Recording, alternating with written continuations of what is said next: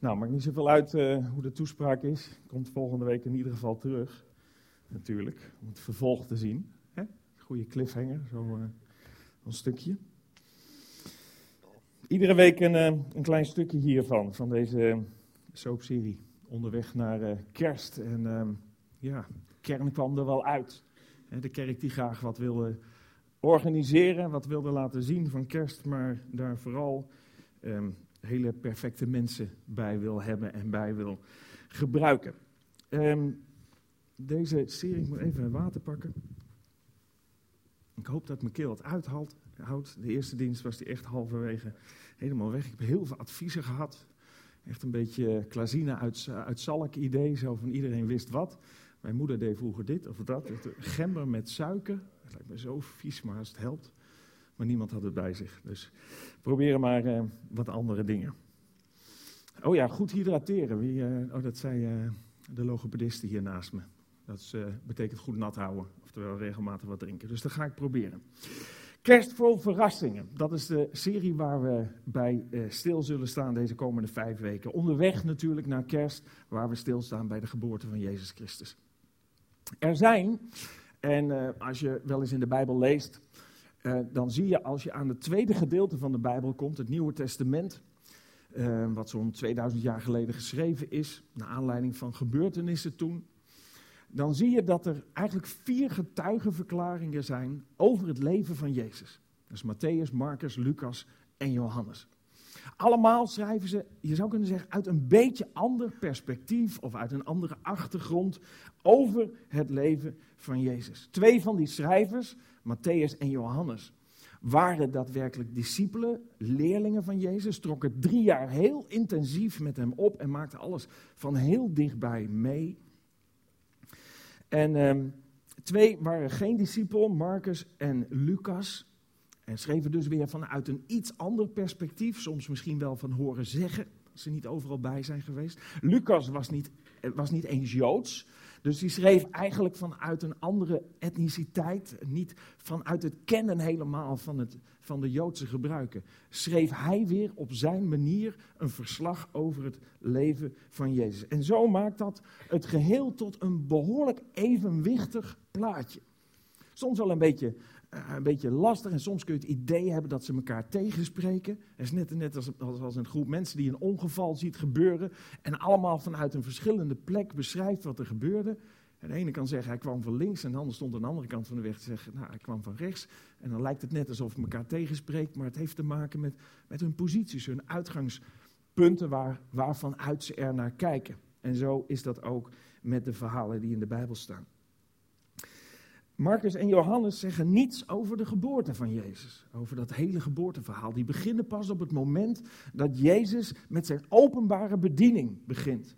En dat was pas toen Jezus 30 jaar was. Eigenlijk staat er in de, in de Bijbel maar een heel klein stukje rondom zijn geboorte. En, en, en in één Bijbelboek nog een klein stukje over toen hij 12 jaar was. En verder gaat eigenlijk het grootste gedeelte over zijn openbare bediening. Over het moment tussen zijn 30ste en 33ste jaar dat hij daadwerkelijk uh, het nodige gedeeld heeft en heeft laten zien. Dus Marcus en Johannes zeggen helemaal niets over zijn geboorte. Lucas wel, maar die begint bij de aankondiging van Johannes de Doper. Die noemen ze ook wel de, de wegbereider van Jezus. Die eigenlijk voor Jezus uitging, zou je kunnen zeggen. En bekend maakte dat hij op komst was, dat hij aanstaande was. En dan vervolgt Lucas met ook heel nauwkeurig, veel nauwkeuriger nog dan Matthäus, uh, beschrijven van de geboorte van Jezus en hoe hij um, geboren werd en waar en hoe het allemaal tot stand kwam en noem maar, op.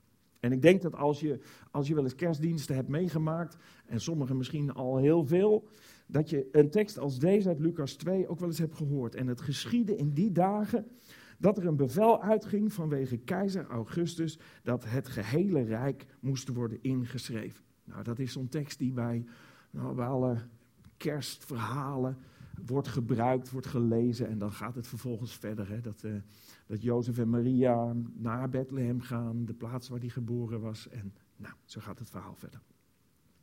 Matthäus, daar gaan we wat meer op inzoomen in deze serie. Matthäus beschrijft namelijk ook de geboorte van Jezus. Maar wat daaraan vooraf gaat bij hem, is iets wat je in de andere verslagen niet tegenkomt. Dat is namelijk het geslachtsregister van Jezus. En ik weet niet of je het wel eens gelezen hebt, maar meestal zijn dat de delen uit de Bijbel die je overslaat. Want dat is een enorme lijst met namen. Uh, die, uh, daar werd die van geboren en dan werd die, die weer geboren en zo, een hele lijst. In het Oude Testament staan die lijsten ook al. Dat is meestal zoiets van, oké, wanneer houdt deze lijst weer op? En dan lezen we daar weer verder. En eigenlijk is het ook, ja, je zou bijna kunnen zeggen, een beetje jammer dat dat dan begint. Dat is het eerste boek van het Nieuwe Testament. Heel vaak, als mensen niet gewend zijn om een Bijbel te lezen, en die krijgen een Bijbel, dan, dan wordt ook vaak gezegd, nou, begin maar niet in het Oude Testament te lezen, want het zijn allemaal zo ingewikkelde verhalen, en soms ook best een beetje bloederig en zo. Ga maar in het Nieuwe Testament lezen, ja, en, en, begin maar niet aan het begin van het Nieuwe Testament, begin maar bij Johannes. Dat is dan ja, schijnbaar het meest toegankelijk. Nou, van Matthäus kan ik me wel een beetje voorstellen, want inderdaad, dat begint met een enorme opsomming van namen. En daar gaat deze serie over. Deze vijf keer. Is het nog aantrekkelijk om terug te komen, denk je? Vijf keer over een geslachtsregister. Nou, natuurlijk niet alleen maar over die namen, maar juist iets specifieks uit dat geslachtsregister. Want waarom doet Matthäus dat? Nou, Matthäus wil heel graag hij is zelf een volgeling, een, een discipel van Jezus geworden. En hij wil heel graag aan zijn volksgenoten, aan de Joden, uitleggen wat ze gemist hebben, wat ze niet gezien hebben, wat ze over het hoofd hebben gezien. Namelijk dat die Jezus, die ze gekruisigd hebben, wel degelijk de van God gezonde zoon was. En dat er dus iets was fout gegaan. En Matthäus wist als geen ander dat wil je aan de Joden uitleggen dat deze man, deze persoon, daadwerkelijk de verlosser van het volk was, de beloofde Messias was, dan moest je laten zien dat deze Jezus ook afstamt van Abraham en ook afstamt van koning David. Want de belofte aan de Joden was dat er een, een verlosser, een Messias zal komen. En ze hebben nooit helemaal dat plaatje begrepen. Van wat, ja, maar ze dachten, ja, er komt iemand die komt ons verlossen van de Romeinse overheersing of van andere overheersingen. Maar dat was helemaal niet waar Jezus voor kwam. En daardoor zagen ze ook niet wat er daadwerkelijk gebeurde. Maar Matthäus wist, als ik ze daarvan wil overtuigen dat Jezus die persoon was, dan moet ik beginnen met uit te leggen dat hij een afstammeling is van Abraham, een afstammeling is van koning David. En dat doet hij ook. En zo begint hij ook in vers 1 van dat geslachtsregister. Er staat: Het geslachtsregister van Jezus Christus, de zoon van David, de zoon van Abraham. Nou, je zou kunnen zeggen, als hij dat nou gewoon even kort aankondigt, zegt nou oké, Jezus Christus is een directe nazaat van koning David en van Abraham, dan zou ik kunnen zeggen, oké, laat het daar dan bij, voldoende duidelijk, uh, iedereen snapt het, het past nog binnen de voorspellingen. Maar hier stopt Matthäus niet. Matthäus um, gaat heel nauwkeurig in op ieder vervolgende stapje. En wij beginnen bij Abraham. Vers 2 lezen we dat. Abraham verwekte Isaac. Isaac verwekte Jacob. Jacob verwekte Juda en zijn broers. En vervolgens, er komen nog een heleboel versen met name. Vervolgens doet Matthäus iets wat, wat ontzettend tegen het gebruik was. Als je een geslachtsregister schreef, dan schreef je altijd alleen de namen van de mannen. Niet dat vrouwen onbelangrijk waren, maar de geslachtslijn werd opgeschreven door steeds de volgende zoon te noemen. En zo opeenvolgend. En Matthäus deed iets wat raar was, want hij noemde in zijn geslachtsregister vier vrouwen waarmee hij heel bewust bepaalde gedeelten uit de, uh, uit de geschiedenis van de familie van Jezus eruit lichtte. Nou is het iets benadrukken van een bepaalde geschiedenis, dat was ook wel gebruikelijk. Het was namelijk zo dat geschiedschrijving werd in die tijd altijd gedaan door mensen die werden ingehuurd. Er waren een soort ZZP'ers, zeg maar. En die werden ingehuurd door een koning of een generaal of zo. En, en die moesten dan de annalen, de geschiedenis van die persoon schrijven. En wat gebeurde er? Logisch, zouden we allemaal doen. Als er mooie dingen gebeurden, overwinningen, of, of een zoon die geweldig presteerde op school of, of, of in een baan of wat dan ook. Dan werd het uitgebreid beschreven en, en uitgelegd en noem maar op. Maar gebeurden er dingen die niet echt leuk waren? Een van de kinderen, een beetje het zwarte schaap van de familie, nou dat, dat, dat werd een beetje weggelaten. Of een nederlaag die werd geleden, nou die werd het liefst weggelaten. En in dat opzicht doet Matthäus met het opzommen van deze geslachtsregister iets wat, wat niet slim is, zou je kunnen zeggen. Dat zouden wij nooit doen. Want A, wijkt hij dus af van die standaard, om steeds de zoon en de zoon en de zoon te noemen. Maar dat doet hij ook met een bewuste reden, want hij noemt vier vrouwen rondom een verhaal wat je juist heel graag zou willen weglaten. En zeker niet zou willen benadrukken. Twee verhalen zijn zo gênant dat, dat je er eigenlijk helemaal liefst niet, niet, niet mee bezig bent, liefst helemaal verzwijgt. Drie van de vier vrouwen die hij noemt, zijn helemaal niet Joods. Dus hij geeft er ook nog eens een keer mee aan. Zegt ja, Jezus is wel de beloofde Messias, maar hij komt helemaal niet uit een zuivere Joodse geslachtslijn. Nou, ook dat zou je misschien liever weghouden. Je denkt, ja, als ze willen geloven dat Jezus de beloofde Messias is en, en een nazaat is van Abraham, ja, dan moet dat toch wel een beetje zuiver allemaal zijn. Schrijf dat nou niet, want ja, dan breng je mensen alleen maar op een dwaalspoor. Vers 3 gaat hij verder. Juda verwekte Peres en Zera bij Tamar. Dat was de eerste vrouw die hij noemt. Nou, dat, als je dat leest, als je iets weet van de Bijbel, iets weet van de geschiedenis, en je hoort de naam Tamar, dan is dat zeker een naam. Ja, ik kan me heel goed voorstellen dat er geen enkele bel gaat rinkelen als je, dat, als je dat hoort. Maar ik denk onder de Joden van die tijd, die de geschiedenis van hun eigen volk heel goed kenden, dat er meteen alle bellen gingen rinkelen. Denk je, Tamar, Matthäus, die noem je toch niet? Dat was een, dat was een, een, een verhaal. Tamar deed zich voor als, een, als, als, als een publieke vrouw. En die verleidde haar schoonvader, die niet wist dat, zij een hoertje speelde, om met, met haar naar bed te gaan. Die verwekte een kind bij haar. En, en eh, hele, hele eh, enorme toestanden en verwikkelingen. Niet bepaald een, een verhaal om trots op te zijn. En helemaal niet een verhaal om te zeggen, nou kijk, als je dan wil weten waar Jezus uit voortkomt, nou kijk, dit, dit gebeurde er in zijn familie, in zijn gezin. Leuk stel. En dan gaat het verhaal verder. Peres, die dus uit, die, uit dat huwelijk kwam van een, een, een man en zijn, en zijn schoondochter, van een, van, een, van een vrouw en haar schoonvader, Peres verwekte Hezron. Hezron verwekte Aram. Aram verwekte Aminadab. Aminadab verwekte Nahason. Nahason verwekte Salmon. Salmon verwekte Boas bij Ragab. Nou, Ragab wordt in de Bijbel altijd genoemd met haar beroep erbij. Ik weet niet of je dat weet toevallig. Ragab de. Iets harder. Ragab de. De hoer, precies. Ook weer zoiets.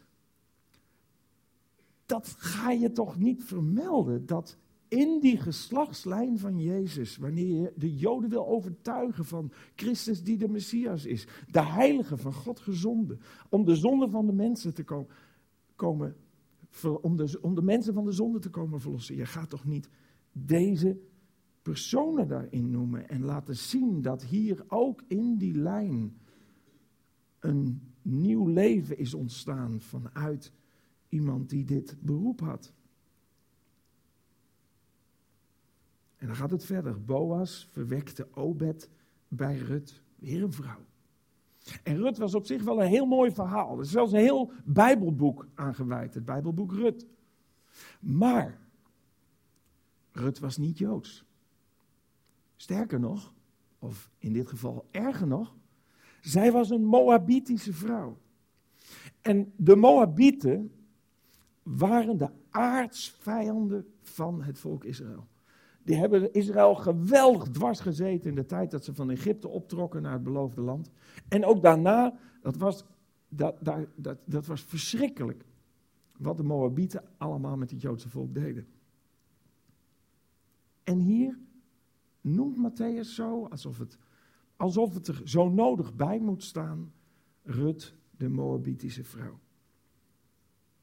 En dan nog iets verder. Het volgende vers. Obed verwekte Isaï. Isaï verwekte David, de koning. Nou, misschien, misschien zou je nu dan, hè, als je Jood zou zijn geweest, opgelucht ademhalen en denken, nou oké, nou, we hebben al die dingen dan gehad, maar gelukkig, we zijn bij David aangekomen. Dus Abraham was helder, David en Jezus was zijn nakomeling. En dan laten we het verder zo laten. Nee, nee, Matthäus gaat nog wat verder. Hij zegt namelijk, David, de koning, verwekte Salomo bij haar die de vrouw van Uria was. Nog zo'n pikant verhaal, nog zo'n gebeurtenis waar je je voor zou moeten schamen als het in je familie voorkomt. Of misschien wel als je er zelf onderdeel van bent. En hij noemde niet eens haar naam. En dat hoeft ook niet, want iedereen wist wel hoe ze heette. Dat werd wel gefluisterd. David de koning verwekte Salomo bij haar die de vrouw van Uria was. Het verhaal waarin David naar bed gaat met een vrouw die getrouwd is en niet de zijne is. Een kind bij haar verwekt. Zij wordt zwanger. Maar haar man Uria is een generaal bij David in dienst. En die is op het veld, die is aan, aan, aan, aan het front met zijn manschappen. En wat doet David? Om te voorkomen dat, dat het uitkomt, laat hij Uria naar zijn paleis komen en zegt: Joh, je, je bent zo goed als generaal bezig. Rust even lekker uit, ga naar je vrouw. Hij bedoelt eigenlijk te zeggen: ga met je vrouw naar bed. En op die manier is het niet straks duidelijk dat zij uh, zwanger is geworden van een ander. En maar Uria doet dat niet. Uria denkt, mijn manschappen zijn daar op het terrein en zolang zij op het front liggen, ga ik hier niet plezier maken met mijn vrouw. Dus hij weigert om dat te doen. En uiteindelijk gaat David zo ver dat hij Uria zelf een brief meegeeft, wat eigenlijk zijn eigen doodvonnis is. Want daarin staat dat hij op de front, frontlijn moet worden gezet en dat de manschappen zich moeten terugtrekken op het moment dat de aanval komt. Dus Uria komt om. Een verschrikkelijk schaamteloos verhaal. En Matthäus begint het, het Bijbelboek van hem, dat gedeelte, dat evangelie, met ook dat verhaal. Je zou zeggen, als je nou zo graag vrouwen wil noemen, noem dan Sarah. Er ging een kleinigheidje fout, maar op zich was dat een prachtig, prachtige vrouw. Of Rebecca, ah, bijna zonder smet. Prachtig. Noem haar dan, dan heb je tenminste wat in handen. Waarom in vredesnaam die nadruk op die misstappen in de familie van Jezus? En wat we later ook zullen zien is, Matthäus wilde laten zien dat God verkoos, dat God de lijn verkoos door de geslachten heen via zondaars dat Jezus niet de mensen die zondig waren en ook erkenden dat ze zondig waren, dat was bij allen het geval. Hij wilde laten zien dat ze die niet aan de kant duwden. Dat God die niet aan de kant duwde. Dat God zei, niet zei, ik wil niks meer met je te maken hebben. Maar dat God juist door de zonde heen tot zijn doel kwam. Sterker nog, het hele verhaal van kerst, de komst van Jezus Christus, is dat Jezus Christus kwam voor de zonde van ons allemaal. En Matthäus wist dat als geen ander. Jezus kwam als redder, redder van de zondaar. En daarom wijkt onze manier van kijken en denken soms ook zo af. Wij zouden dat beslist anders hebben gedaan. Waarom? Omdat wij denken dat het plaatje er zo mooi mogelijk uit moet zien. Het zou prachtig zijn geweest maar de Bijbel is gelukkig heel realistisch. Laat in vers 2 net Abraham verwekte Isaac. Isaac verwekte Jacob en Jacob verwekte Juda en zijn broers. En weet je wie één van die broers was? Dat was Jozef. Je weet wel, Jozef en die amazing Technicolor Dreamcoat. hebt het misschien wel gezien, die musical. De ideale schoonzoon. Dat was ook een van die broers. Waarom koos hij hem niet? Veel logischer zou dat zijn. Hij was een rechtvaardige man. Jozef was iemand die, die, die onrechtvaardig werd behandeld en toch God trouw bleef. Die God nooit op de beklaagde bank zette. Die, die volhield en trouw bleef tot het einde toe. Waarom koos God hem niet om de geslachten door te zetten naar Jezus? Omdat het uiteindelijk allemaal juist draaide om de tekortkomingen van mensen. Daarom kwam Jezus naar deze aarde. Wat te denken van, van de discipelen van Jezus. Ik weet niet of je daar wel eens over nagedacht hebt. Goed hydrateren.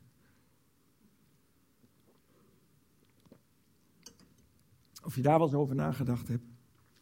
Maar die discipelen van Jezus, die twaalf mannen, die zouden geen van allen door onze sollicitatieprocedure zijn gekomen. Als Jezus had gezegd, zoek eens twaalf mannen voor me uit, die als ik er straks niet meer ben, het evangelie kunnen verkondigen op deze wereld. Zo'n belangrijke taak om de wereld over te gaan en, en de boodschap van hel en verlossing te verkondigen. Nou, als wij die opdracht hadden gekregen en we waren de sollicitatieprocedures begonnen, dan waren daar waarschijnlijk allemaal ehm, eh, mensen met een uh, academische graad, een smetteloze achtergrond, een uh, prachtig voorkomen, een goede familie en noem allemaal maar op, uitgekomen. En wie kiest Jezus? Heb je er wel eens naar gekeken? Een ongeletterde visser een, ehm, die, die ook nog in geen geval ergens zijn mond kan houden, Petrus. Altijd er bovenop zit. Uh, die, die uiteindelijk hem ook nog verloogt. En andere mensen die altijd ruzie zoeken. Of, of, of die helemaal niet smetteloos waren. Die absoluut geen hoge opleiding hadden of wat dan ook. Het was een, een enorm zoortje ongeregeld, die twaalf lui bij elkaar. Maar daarmee wilde God hetzelfde signaal geven als Matthäus deed. Hij wilde laten zien dat hij uit de onvolmaaktheid iets volmaakts kan maken. Hij wilde aan ons allemaal laten zien, jullie zijn allemaal zondaars. Wij zijn allemaal zondaars.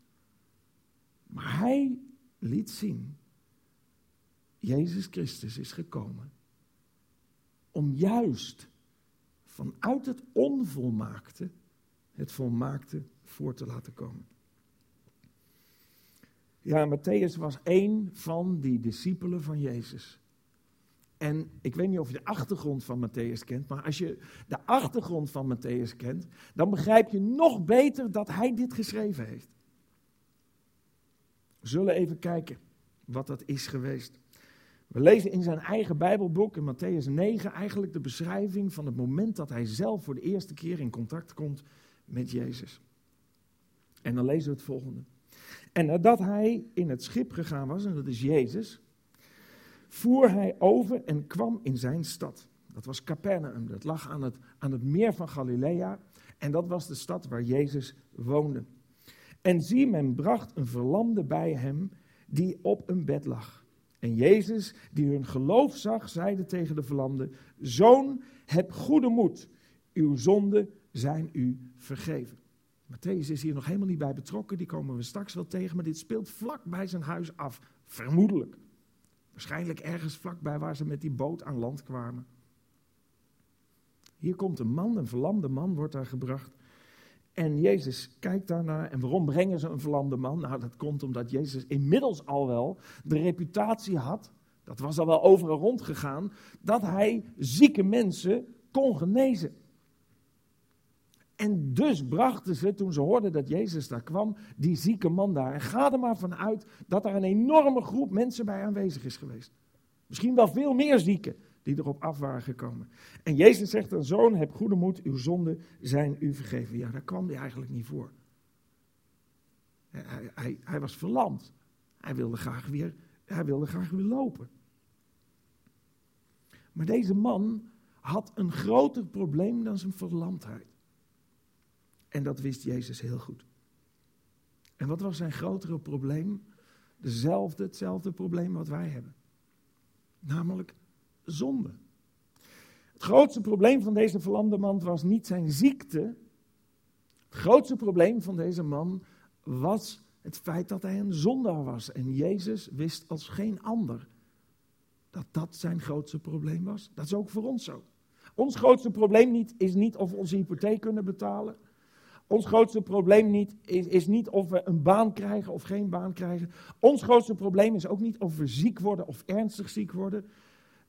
Ons grootste probleem is of is geweest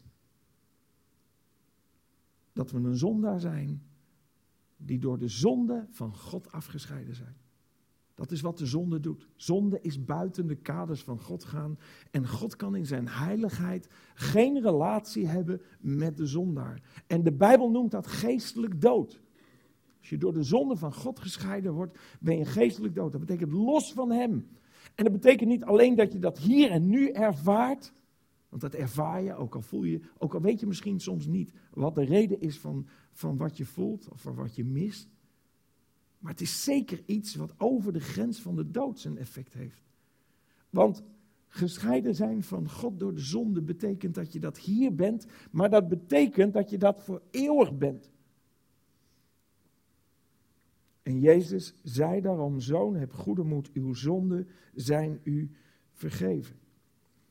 En dan lezen we in het derde vers. En zie, sommige van de schriftgeleerden zeiden bij zichzelf, deze lastert God ergens wel een beetje logisch dat ze dat zeggen. Want zij, die schriftgeleerden, dat zijn dus de, de kerkleiders, de mensen die, die, die, die, de geschriften, de Bijbelgeschriften, het Oude Testament, de wet heel goed kenden. En die dachten, ja, dat kunt toch niet maar zo zeggen, je zonden zijn je vergeven.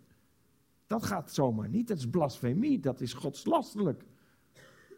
Eigenlijk hadden ze inmiddels al wel wat beter kunnen weten, want de verhalen over Jezus en zijn genezing en dat wat Jezus over zichzelf had gezegd, namelijk de zoon van God te zijn, had hun al lang bereikt. Maar daar wilden ze niet aan omdat zij een ander perspectief hadden, een ander, ander zicht, een ander idee daarover. God paste niet in hun Godbox, in, hun, in, hun, in hun, de manier waarop zij dachten over de Messias.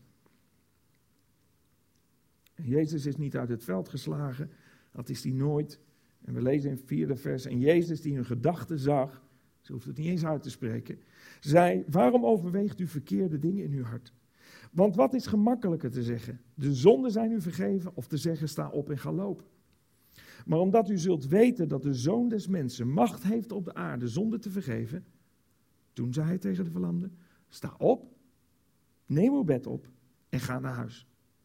En, stond, en hij stond op en ging naar zijn huis. Toen de, menigte dit, toen de menigte dit zagen, verwonden ze zich en verheerlijkte God die zo'n macht aan mensen gegeven had.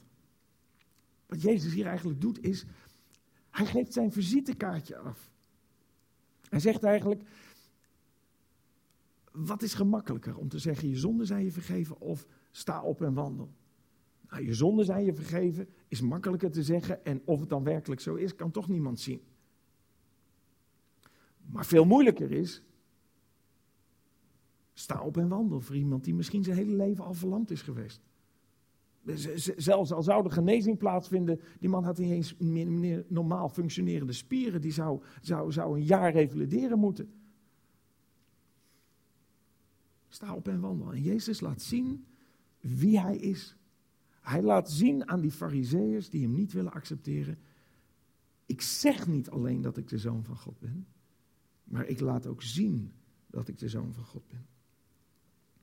En dan, vanuit die gebeurtenis, met die verwondering van mensen, met die manier waarop Jezus optreedt en, en spreekt tegen die, die kerkleiders van, van dat moment, vanuit die situatie gaat Jezus verder. En dan lezen we, en Jezus ging vandaar verder en zag iemand in het tolhuis zitten die Matthäus heette de schrijver van het boek. Hij beschrijft zijn eigen, zijn eigen verhaal. Nou, een tolhuis kennen wij ook wel.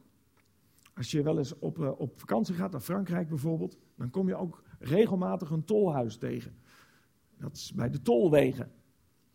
En ja, dat is niet zo opzienbarend dat iemand in dat tolhuis zit.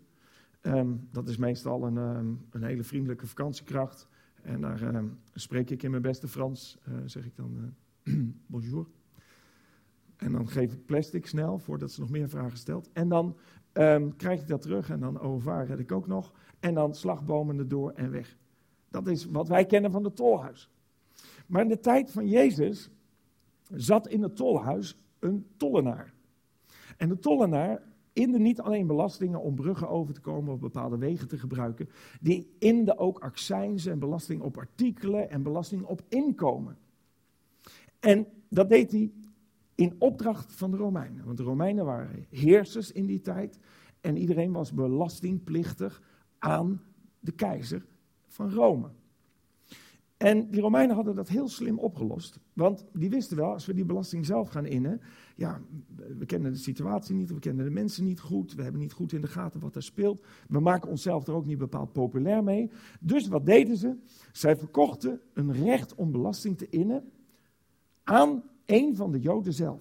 Dat kon je kopen, zo'n recht, voor vijf jaar. En dan mocht je belasting innen. En wat deden die tollenaars? En daarom waren ze ook niet zo populair. Zij inden altijd meer belasting dan ze moesten doen.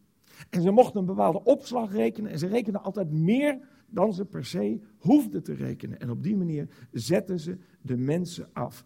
En dat deden ze onder bescherming van de Romeinen. De Romeinen wisten ook, zij weten precies hoe het zit. Zij kennen al die mensen. Ze weten precies wie, wie wel of niet betaalt. Het kwam de Romeinen goed uit. Die kregen daar heel veel inkomsten mee. De Romeinen beschermden hen ook. En dat was nodig, want ze werden ontzettend gehaat. Het waren gewoon landverraders. Zo werden ze gezien, omdat ze hun eigen volksgenoten met bescherming van de Romeinen en over de rug van hun eigen volksgenoten afzetten. En in die situatie, in die situatie loopt Jezus op die persoon af die in zijn tolhuis zit, die tollenaar, die verachte man, die Matthäus. En ik denk dat die hele menigte mensen die eigenlijk het liefste met een hele grote boog daaromheen wilden gaan, dat die in, dat die in spanning zaten af te wachten. Wat gaat er nu gebeuren? Het was duidelijk dat Jezus daarop afliep. En het liefst waren ze allemaal met Jezus erbij met een grote boog omheen gegaan. En hadden ze nog een keer gespuugd erna gezegd van uh, de groeten of weet ik veel wat ze hadden gedaan voor obscene gebaren. Om duidelijk te maken hoe ze erover dachten. Jezus Gaat er rechtstreeks op af. Loopt naar Matthäus. En dan lezen we. En hij zei tegen hem: Volg mij. Nou, er staat verder niks bij hoe de reacties van de anderen daarop waren. Maar ik kan me voorstellen, Petrus, die nogal, nogal snel wat te zeggen had en ook, ook niet echt een rem had op wat hij zei, die, die zei wat hem voor de mond kwam, nou, die zal zich, die, die, die, die zal zich verbaasd hebben. Als ze iets hebben van, volg mij, dat zei hij tegen mij, tegen mij, Petrus. Volg mij en ik ben zijn discipel geworden. Ik was nog een eerbare burger, een visser, ik zorgde voor mijn gezin. En, en, en volg mij, kom op. En dan lezen we verder en hij stond op en volgde hem. En ik denk dat die hele groep mensen gehoopt had dat Jezus die, die tollenaar een uitbrander had gegeven. Of had gezegd, jij bent het, het, het onderste van het onderste. Zo werd er ook over tollenaars gesproken. Tollenaars werden niet gerekend tot de zondaren in de Bijbel. Die kregen een eigen categorie. Er wordt gesproken over zondaars en tollenaars. Heel vaak, heel vaak kom je dat tegen. Je had het over zondaars en tollenaars. Ze hadden hun eigen categorie. Ze waren nog, nog slechter dan zondaars. Ik denk dat die Petrus zich er wel een beetje op verheugd heeft. Dat Jezus even goed hem onderuit, onderuit zou geven, onderuit de zak zou geven. En, en zou zeggen, uh, jij, schorrimorri. En Jezus zegt, volg mij en hij hem. En dan wordt het nog erger. Want als Matthäus misschien gevraagd had aan Jezus, waar gaan we naartoe? Zegt Jezus, we gaan naar jouw huis. We gaan naar jouw huis. We gaan bij jou, ik wil graag bij jou eten. En nodig ook nog wat vrienden van je uit samen eten. Wat? Hoe zou Petrus gereageerd hebben? Hoe kan hij dat nou doen? Hij, hij wil vertellen dat hij de zoon van God is en, en, en, en hij heeft net een beetje de aandacht van een hele grote groep mensen. Hij heeft een wonder gedaan. Iedereen heeft de oren gespitst. Hij kan zo de bal erin trappen. En wat doet hij? Hij gaat eten met de persoon die het meest veracht wordt door het volk. Dat is niet bepaald werken naar een climax. Dat is niet bepaald je moment nemen op het moment dat de tijd er rijp voor is. Ze begrepen er niets van. We lezen dat in vers 10 ook. En dat gebeurde toen hij in het huis van Matthäus aanlag, zie, veel tollenaars en zondaars, zie je twee groepen, tollenaars en zondaars, kwamen en lagen met Jezus en zijn discipelen aan. Het is logisch dat er tollenaars en zondaars kwamen, want dit was zulk uitschot. De enige vrienden die ze hadden waren andere tollenaars en zondaars. En toen de fariseeën dat zagen, dat waren die schriftgeleerden, die kenners van het woord, die mensen die heel vroom waren en aan iedereen lieten zien hoe goed ze waren, zeiden tegen zijn discipelen, waarom eet uw meester met de tollenaars en de zondaars? Hoe kan die dat nou doen? Hoe kan hij nou met dat soort lui omgaan?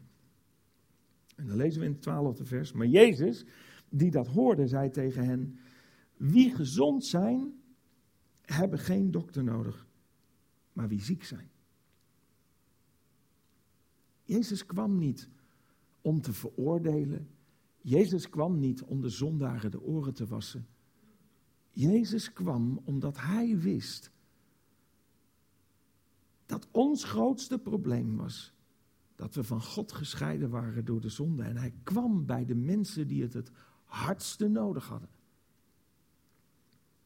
En je zou misschien verwachten dat als hij zoiets zegt, hij is dus uitgenodigd daar, de gastheer is Matthäus en al die mensen erbij. En hij zegt, ja, uh, gezonde mensen hebben geen dokter nodig, maar zieke mensen hebben een dokter nodig, daar ben ik voor gekomen. Nou, dat zou best een beetje na kunnen klinken naar zo'n gastheer. Denkt van, oké, nou leuk, ik bied je hier een maaltijd aan en, en je, noemt, je, je noemt me ook nog een beetje zo van, uh, je bent een beetje ziek eigenlijk.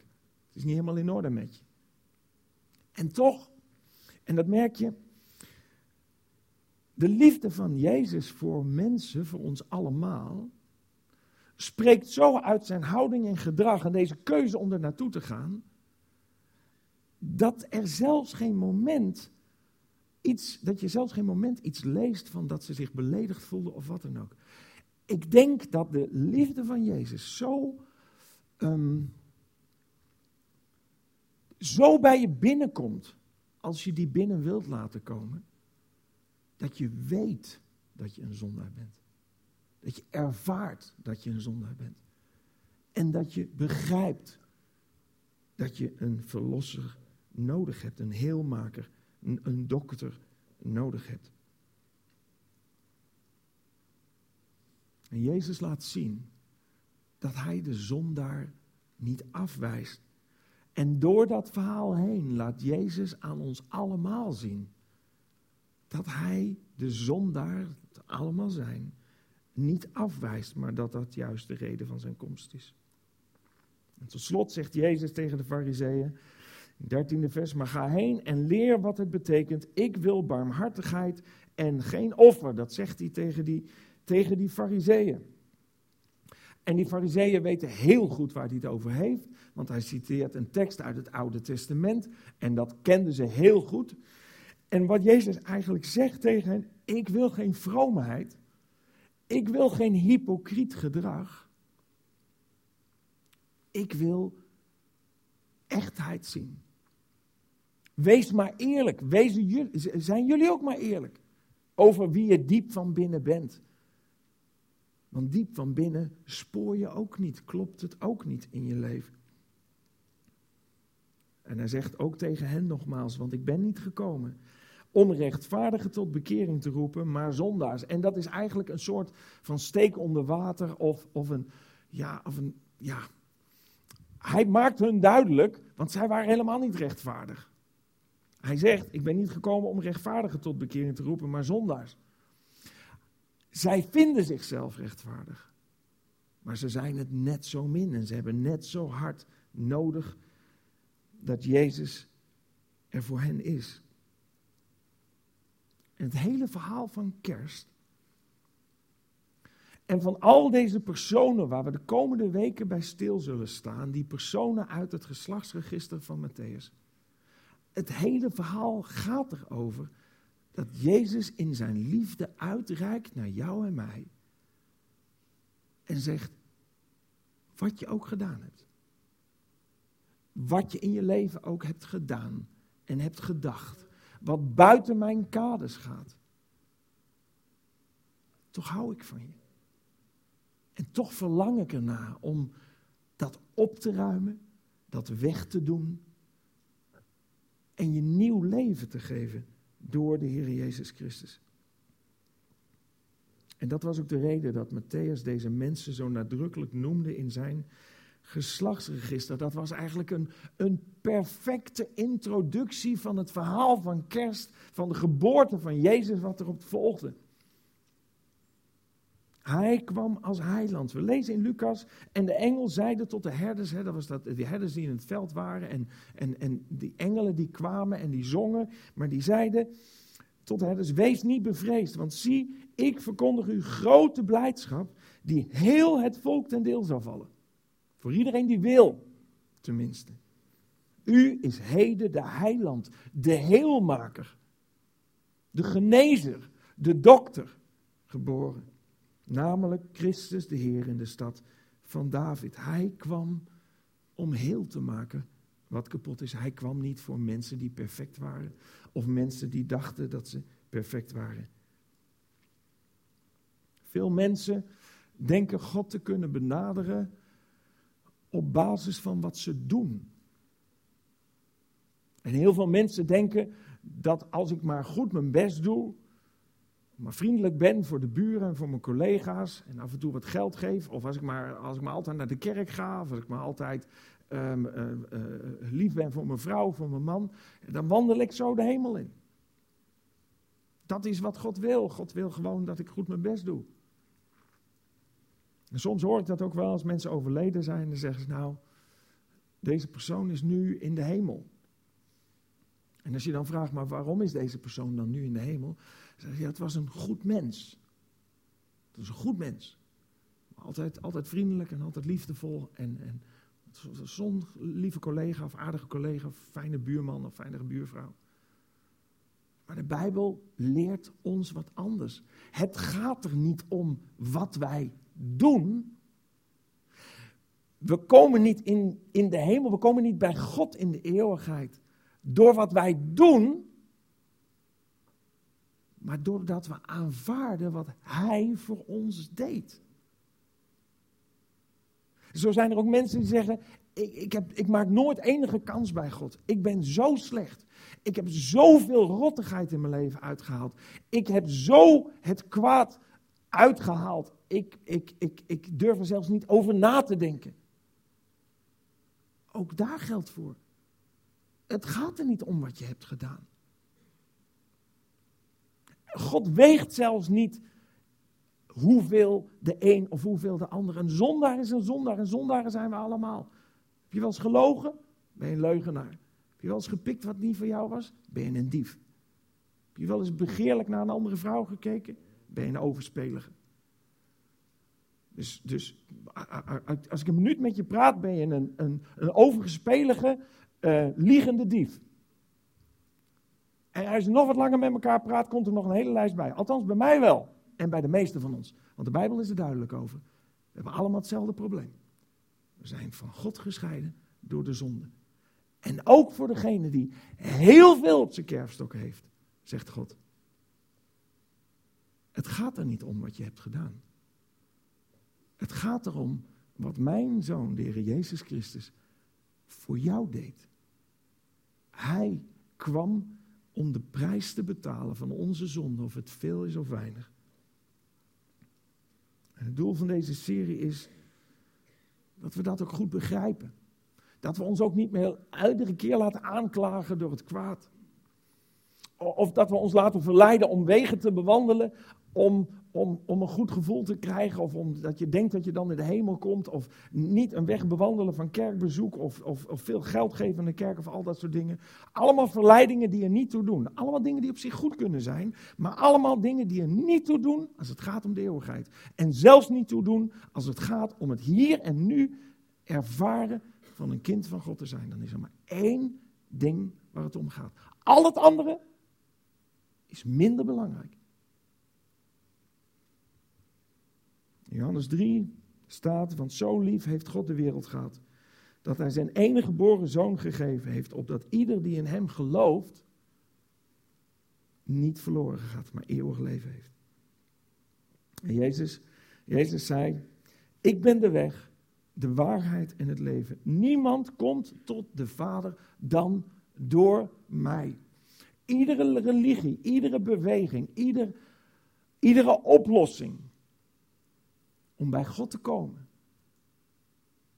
waarop je gewezen wordt, waar niet Jezus Christus, die gestorven is als zondeloos mens, die de prijs betaald heeft voor onze zonde, wordt genoemd als de weg naar God toe, is een dwaalleer. Is alleen maar om ons bezig te houden. Is alleen maar om te zorgen dat we niet tot de erkenning van de waarheid komen. Jezus is de weg, de waarheid en het leven. Niemand komt tot de Vader dan door Hem alleen. Laten we danken en bidden. Dank u wel, Heere God. Dat, dat de komst van uw Zoon, de Heer Jezus Christus, niet maar zo ineens is ontstaan, maar dat u in honderden en duizenden jaren daarvoor zijn komst hebt aangekondigd. Zelfs toen de eerste mens uw wet overtrad, kondigde u zijn komst en uw oplossing voor onze zonde aan.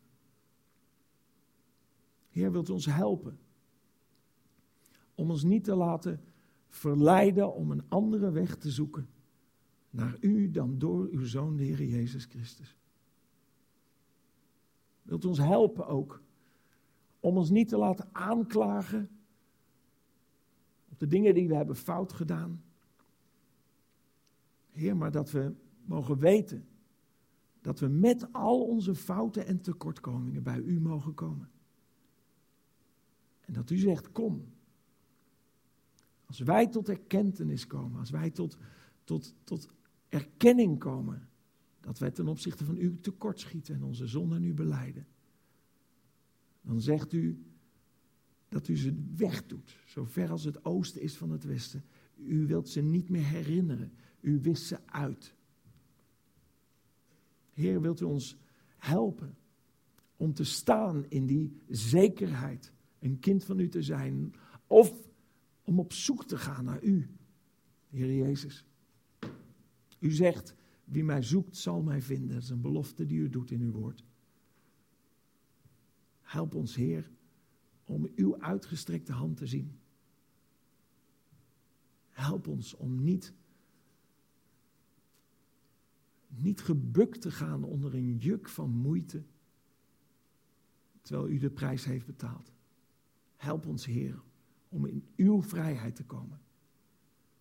Dat bidden u zo. In Jezus' naam. Amen.